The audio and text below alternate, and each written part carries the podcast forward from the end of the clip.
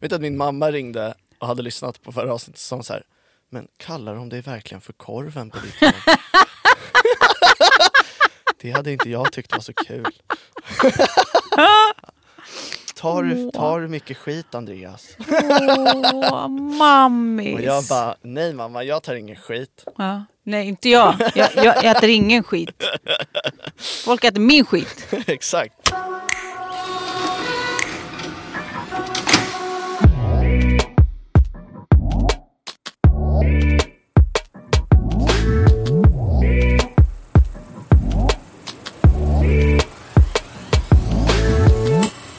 Få personer både älskar vi att hata och hatar att älska så mycket som Larry David. Nu låter han begrava en hel generations humorbank när han rundar av Curb Your Enthusiasm med en tolfte säsong.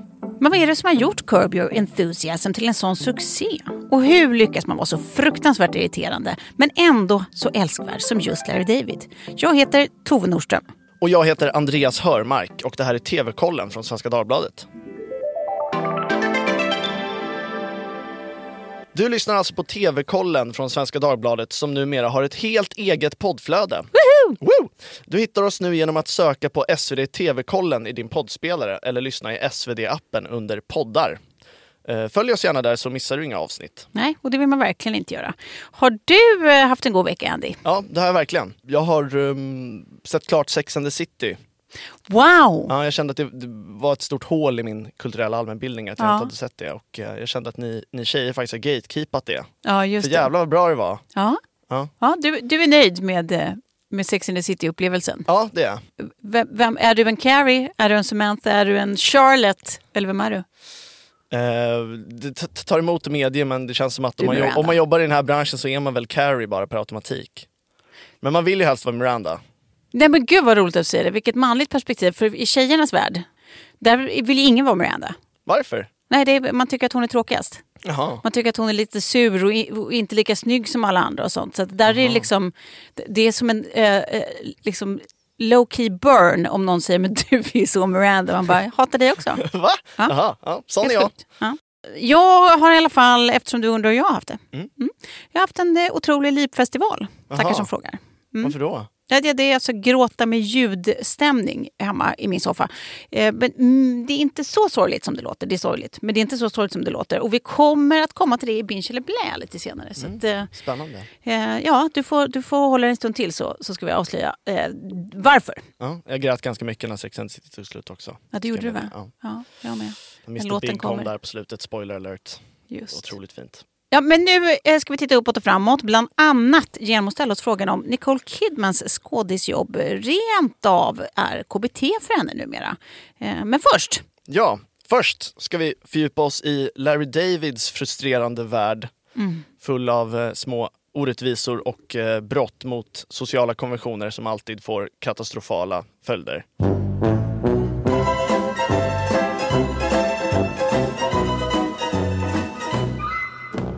Nu så, nu är vi, nu är vi inne på Andreas eh, land, eller hur? Ja, k- känns härligt att vara här tycker jag.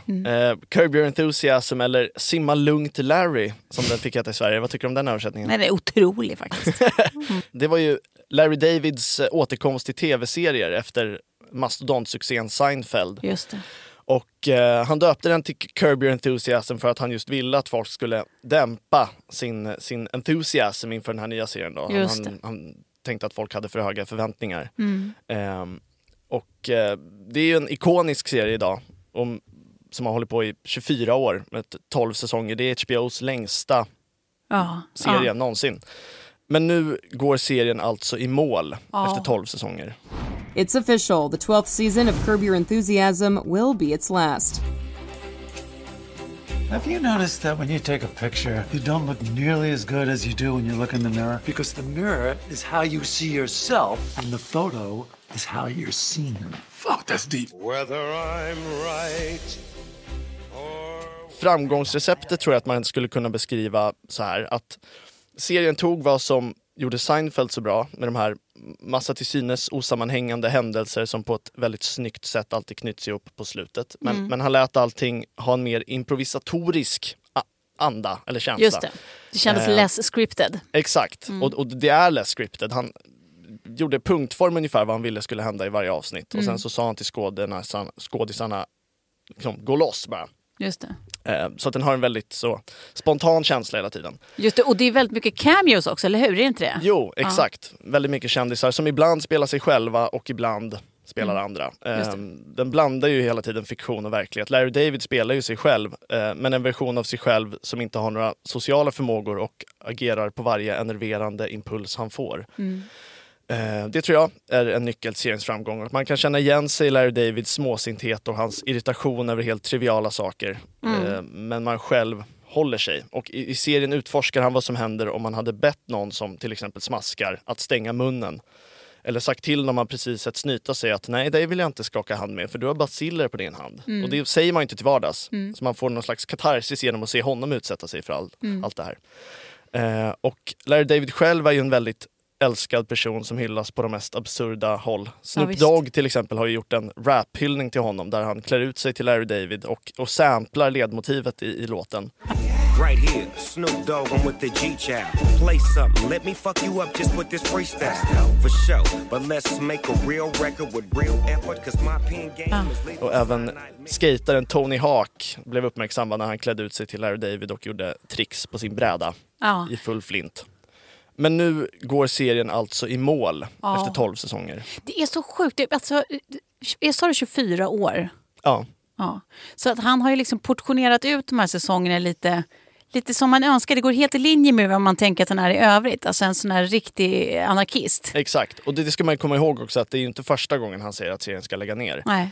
Eh, och, och genom seriens historia så har det ibland varit sex års uppehåll mellan två säsonger och sen Ja. kommer han ändå tillbaka för att han blir irriterad på någon i det verkliga livet och känner att det här måste jag skriva en ny säsong om.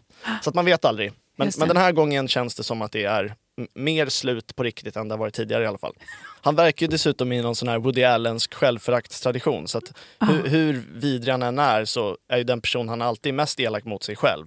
Ja. Eh, så att ja, det är väldigt likable att vara den sortens person.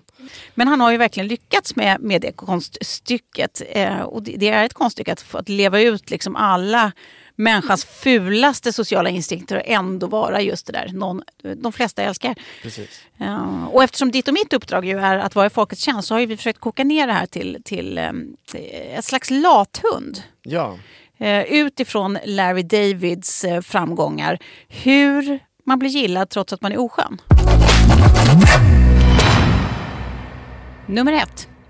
Säg allt du vill säga med ett litet smörk. Lämnar alltid öppet för tolkningen att du ändå kanske skojar. Nummer två. Kanalisera ditt inre barn och ge efter för varje nyck. Särskilt de oklädsamma. Smörka. Nummer tre. Verbal censur är din sämsta vän. Smörket dock. Nummer fyra. Backa aldrig på det du kastat ur dig. Ju mer absurda argument för din stance, desto bättre. Och klä munnen i ett smörk. Nummer fem. Var konsekvent i det du är, även om det är socialt efterblivet. And do it with a smirk. Ja, det var listan i sin helhet. Det handlar alltså om att eh, för, förkroppsliga människans eh, fantasier, som vi var inne på, om att få leva ut varje ful önskan och instinkt och egocentrisk tanke man har i mångt och mycket. Och det kommer man bara undan med om man gör det liksom full throttle, så att säga. Eh, all in. Så att, stort lycka till. Skojar. Men ärligt talat, det är ju verkligen spännande det här med vad det är som gör en människa omtyckt. Och, vem, alltså, och till det hör ju också vem som kommer undan med vad. Ehm, inte minst om man har följt den här debatten som blossade upp efter att eh, Björn Hedensjö, psykologen och eh, poddaren och eh, numera författaren, efter att han har släppt sin bok Omtyckta människor så har det ju diskuterats både i kolumner och krönikor till exempel då genom Jens Liljestrand, Expressen och Liv Strömquist, tror att även det var Expressen om jag inte minns fel. Huruvida det är Eh, alltså falskt och manipulativt att vara trevlig. Att det bara är ett sätt att, att lura folk att tycka om en eller att få som man vill och så. Eh, och varför ska vi ge det ett egenvärde egentligen? Eh, och det är en fråga värd att tänka på kanske, inte minst för oss som, som betraktar trevlighet som en hygienfaktor. Um, för, för någonstans också så här, vem har egentligen råd att inte vara trevlig och spela efter liksom alla de här sociala reglerna som alla andra har. De här tysta kontrakten vi ändå har som, som människor. um, för det är ju det är inte vem som helst. Alltså det krävs ju att man har en annan agens då i form av eh, makt, eller pengar, eller status, eller självförtroende eller någon slags humorkapital. Mm. Det, det måste finnas någonting annat som ger dig råd eh, att bete dig som du vill. Eh, en mans otrevlighet är ju en annans lustiga quirk, inte sant? Verkligen. Så det är ju inte vem som helst som kommer undan med vad som helst. Eh, och jag tycker också, jag vill passa på att tipsa om, jag tycker att alla borde eh, läsa Essy Klingbergs utomordentliga text på det här ämnet från, eh, från i december. Eh, går att söka på svd.se. Eh, den tar avstamp i Björn Hedensjös bok Omtyckta människor eh, och finns då som sagt på nätet. Hur som helst, även om jag också gillar Larry David och har lollat mig igenom både Seinfeld och Curb så tror jag att du har så att säga, en djupare kärlek till honom. Och mm. därför vill jag det, ge, dig möjligheten här och nu att högtidligt få tacka av Larry David för lång och trogen tjänst så att säga, i ditt liv. Ja, vad fint. Ska vi säga så? Vi gör det. Är din. Larry, mitt nyårslöfte i år var att bli lite mer som du. Och då menar jag verkligen lite, för i regel är du i ärlighetens namn en, en småsint och ganska outhärdlig gubbgnällig rättshaverist som ingen gillar. I tider där alla strävar efter att vara så likable som möjligt och övar sig och ställa följdfrågor och att ge komplimanger är det uppfriskande att se någon som fullständigt skiter i det. Världen hade varit en bättre plats om alla var som du. Tack för din snygga men ändå bekvämlighetsorienterade garderob som inte förändrats på 35 år. Du visar att man inte behöver vara särskilt uppklädd för att bli en stilikon. Man behöver inte följa med i trender. Du har delat med dig av din modefilosofi en gång och du sa man ska ha max ett snyggt plagg per outfit. Man ska vara halvuppklädd. Och det har jag burit med mig.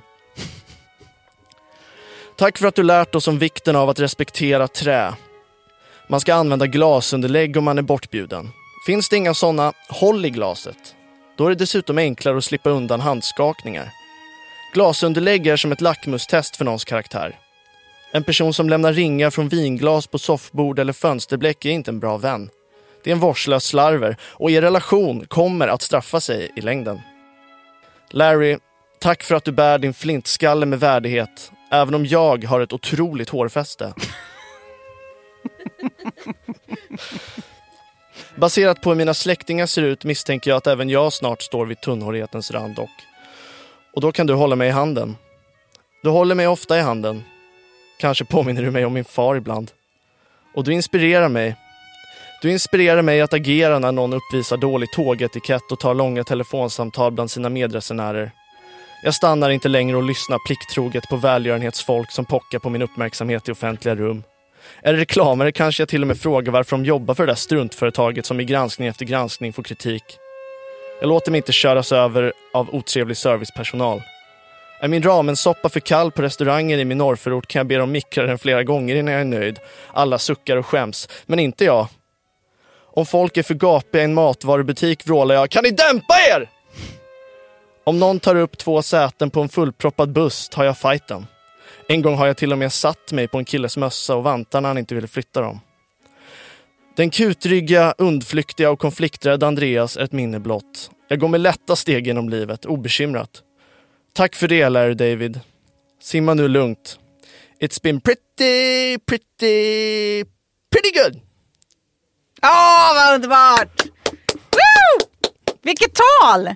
Gud, jag hoppas så innerligt att Larry David eller någon i hans omedelbara närhet kan svenska. Ja, ja. kan, kan köra en AI-översättarprogram. Just, det är det vi får göra. Mm.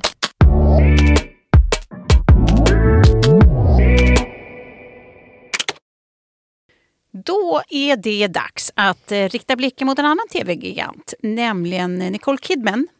Eh, nu är ju hon aktuell med serien Expats på Prime Video. Det är en serie som avhandlar saker som sorg och ånger och främlingskap och status. Hon spelar alltså en hemmafru, ej självvald ska sägas, eh, i Hongkongs överklass. som drabbas av en fruktansvärd tragedi när hennes son försvinner. Och, och vi får liksom möta henne i eftermälet av detta. I just sometimes want to be alone. Where I'm not somebody's wife, not somebody's mother. Where I'm not defined by tragedy.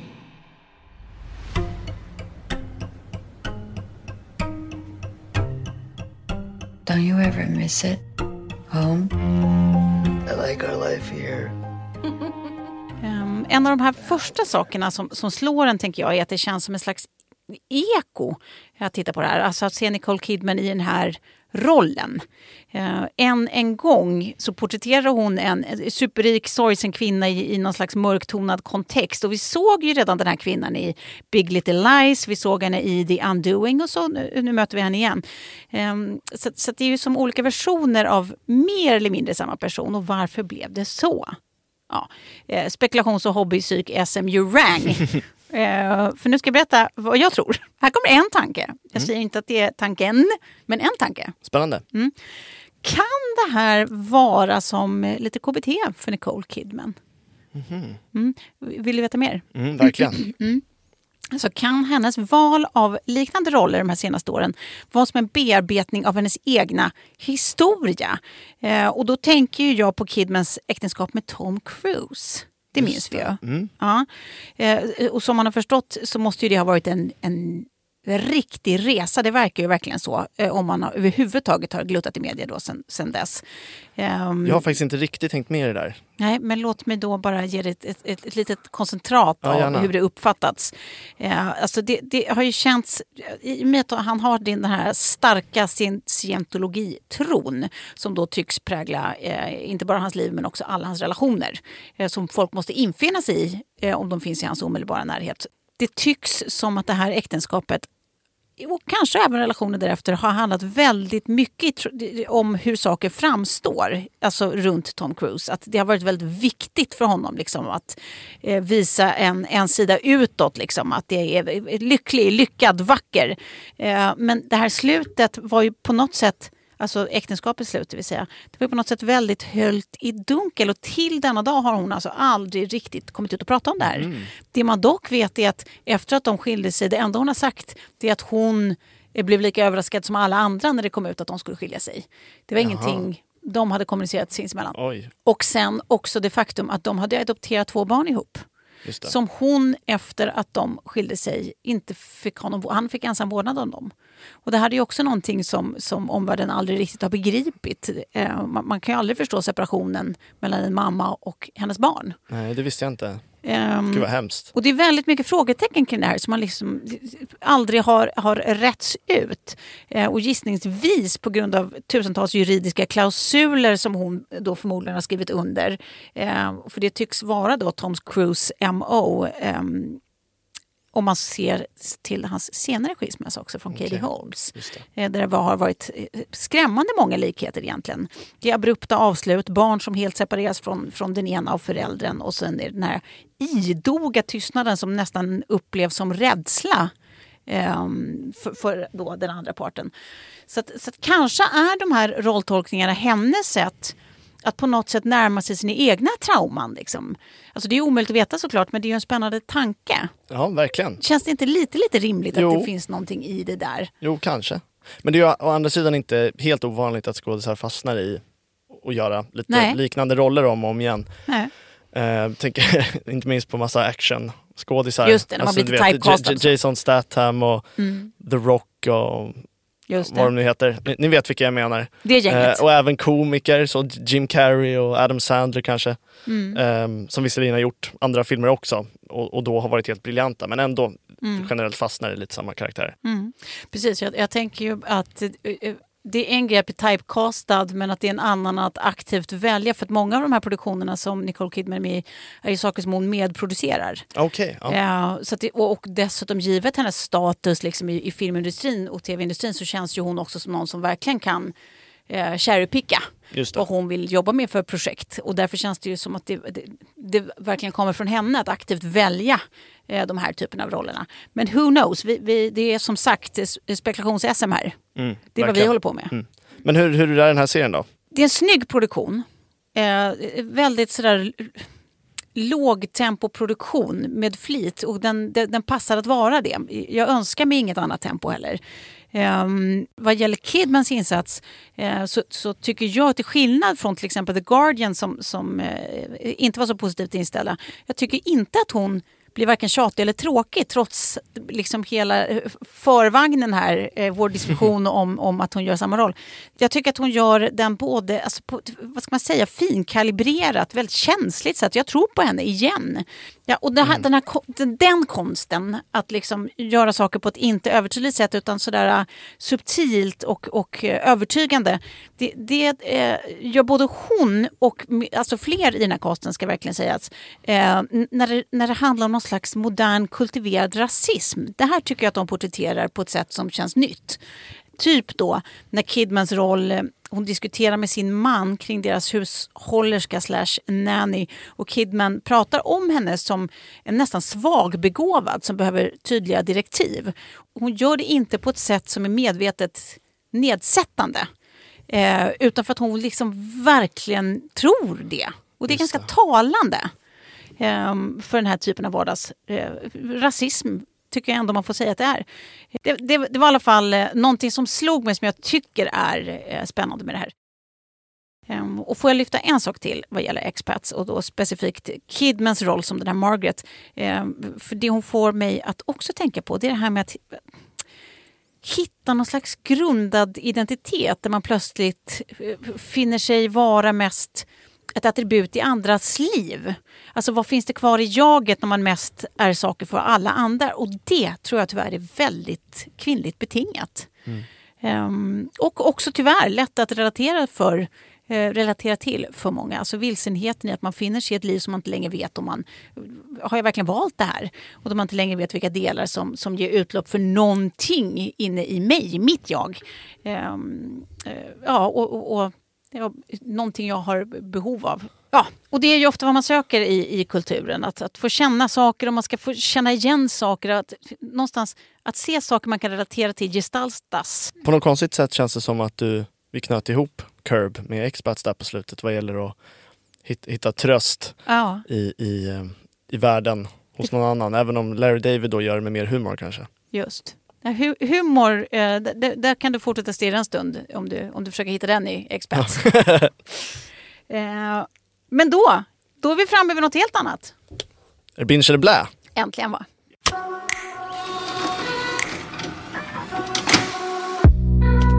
Jag såg eh, första avsnittet av Netflix-serien Griselda. En mm. biopic om kokainets drottning från Colombia, Griselda Blanco. Eh, verkar lovande måste jag säga och det var inte minst kul att se Sofia Vergara, eh, mest känd som Gloria i Modern Family, mm. i, i en så pass seriös roll. Eh, hon har visserligen fått en rad ingrepp i ansiktet. Det talades om en protesnäsa och fejktänder och peruker ja. och sådär. Eh, vilket också fick den verkliga Griselda Blancos son att bli jättearg då han tyckte att det var respektlöst av henne att göra hans kära mamma så ful. Vilket man ja. kan tycka är lite kaxigt att säga om just Sofia Vergara kanske, eller vad säger du Tove? Eh, det, det, jag såg faktiskt bilderna där man jämförde då eh, den äkta, eller äkta, den riktiga Griselda och eh, Sofia Vergaras eh, tolkning av henne. Och jag vill ändå hävda, jag, jag vill dessutom också säga att det, det nästan är en objektiv bedömning att det fortfarande är eh, en ganska stark eh, fördel för Sofia Vergaras utseende. Mm. Eh, även när hon är så att säga nerfulad. Mm. Men också vilket spännande problem att ha. Att man är för vacker för olika roller. Man måste liksom ja, fulas ner. Exakt. Ja. Men det är fint av, av sonen den då att backa upp sin mamma på det där sättet. Alltså son goals. Verkligen. Det... Men eh, jag kommer bingea den här serien i alla fall. Jajebus. Eh, och jag, jag, jag, fortsätter. Det, har hänt någonting nu att det, det är så himla kvittrig stämning på de här Binge vi måste, vi måste börja se dåliga saker. Men nu har jag inte gjort det. Nej. Jag har också sett någonting otroligt. Mm, eh, nämligen The Whale på Prime mm. Video. Um, äntligen har jag sett den. Det är alltså Darren Aronofskys film uh, med en hyllad Brandon Fraser i huvudrollen. Det var lite av hans återkomst till uh, filmvärlden, tv och filmvärlden. Uh, och han har ju också fått massor av priser för det här, bland annat en Oscars. Ehm, det handlar då om Charlie som lider av kraftig obesitas och håller onlinekurser i engelska med kameran avstängd. Han vill inte att hans elever ska se honom. Mm. Um, och han håller ju på att äta ihjäl sig men vill desperat reparera banden då till sin dotter innan det är för sent. Och det, jag vet inte vilka, vilka av mina finaste ord jag ska använda. Men jag kan bara säga att det är en otrolig film med mer än en otrolig Frasier. Eh, och mitt binge är så versalt eh, det bara kan vara. Nu är det bara hem och ladda näsdukarna hörni. Det här, mm. det här blir, nu åker vi gråttåget. Det, det känns som att det finns ett skämt här någonstans med obesitas och binge. Men, men det kanske blir för mycket. Att jag bingear en bingeätare menar du? ja, precis. Ja. Eh, det kan man tycka. Men det, men det lämnar vi till några andra eh, eh, att skämta om. Ja, precis, jag tänker inte dra det skämtet. Larry David som hade dragit det rakt av. ja, precis. Ja. Anywho, TV-kollen var därmed slut för idag. Men nå oss, ja det kan du alltid göra. Eh, till exempel på tvkollen svd.se. Och så vill vi påminna om att TV-kollen alltså har ett alldeles eget poddflöde nu. Och det hittar du genom att söka på oss på eh, SvD. Eh, TV-kollen det vill säga i din poddspelare eller lyssna i SvD-appen. Glöm inte att följa oss där så missar du ingenting. Och en lista med alla titlar vi har nämnt i veckans avsnitt och var du kan streama dem hittar du i avsnittsbeskrivningen i din poddspelare. Fler tips och recensioner av tv och film och all, allt du vill ha finns på svd.se tv-kollen. Och du kan också prenumerera på nyhetsbrevet Bäst på TV. Elias må vara ledig men tips blir det förstås ändå eh, med eh, SVDs tv och filmkritiker Anna Hellsten. Det här avsnittet producerades av Joanna Goretzka och ansvarig utgivare är Lisa Irenius.